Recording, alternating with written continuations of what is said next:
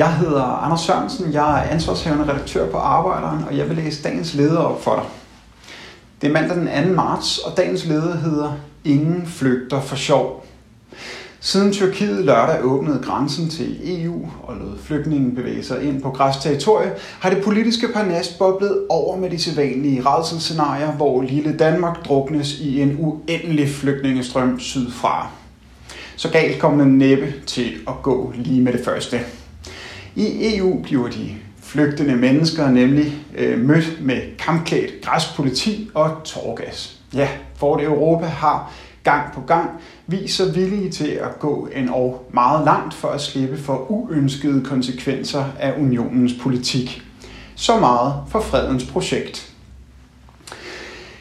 Det er i det hele taget en absurditet, at der tales så meget om problemet med de her historisk store flygtningestrømme, og så lidt om årsagerne til dem. Det store samtaleemne burde jo være det faktum, at et så stort antal mennesker rundt om i verden lever under så umulige forhold, at de foretrækker livet som en flygtning. Det er ikke flygtningene, altså de mennesker, som tager flugten fra deres øh, umenneskelige tilværelse, som er øh, problemet. Men det er verdenssystem, som skaber den globale ulighed, de konstante krige og klimakatastroferne. Det er det kapitalistiske samfund, som skal bekæmpes, hvis vi skal gøre en ende på flygtningekrisen. Ikke de mange mennesker, som tager flugten fra kapitalismens ødelæggelser. I Tyrkiet bruger præsident Erdogan flygtningene som et pressionsmiddel imod EU, som præsidenten vil have til at hjælpe ham i hans efterhånden noget desperate forsøg på at sikre et regimeskifte i Syrien, hvor NATO-landet jo har besat store landområder i nord i strid med international ret. Vennerne i NATO de lytter til Erdogans råb om hjælp og udtrykte på et topmøde i fredags deres solidaritet med Tyrkiet mens man i samme hykleriske åndedrag krævede, at Syrien og Rusland overholder folkeretten.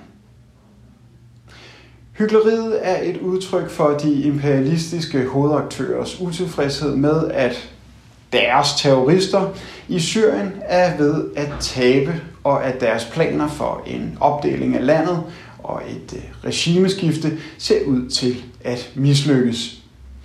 Da NATO-landenes ledere udtalte sig i enighed, må den danske regering jo have støttet udtalelsen fra NATO-mødet. Den danske regering vægter altså at fokusere på, hvordan man bedst tækkes USA, og samtidig forhindre de her tusinder af flygtninge, som den tyrkiske regering nu har sendt mod EU, Øh, når frem til Danmarks grænser.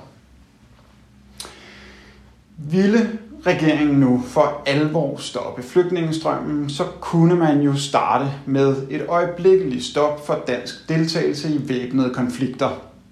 Man kunne trække Danmark ud af NATO, vende EU ryggen og fokusere på international konfliktløsning og humanitær bistand samt en aktiv indsats for at udvikle klimaløsninger i de lande, som i årvis har fået spæk til det danske borgerskabs velpolstrede sideben.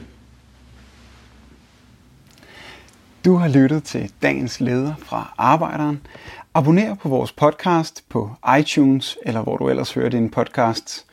Du kan også klikke ind på arbejderen.dk for meget mere journalistisk indhold. Du er også velkommen til at følge Arbejderen på Facebook, Instagram eller Twitter, samt tilmelde dig Arbejderens daglige opdatering på Messenger. Vil du i kontakt med Arbejderens redaktion, kan det ske ved at sende en mail til redaktion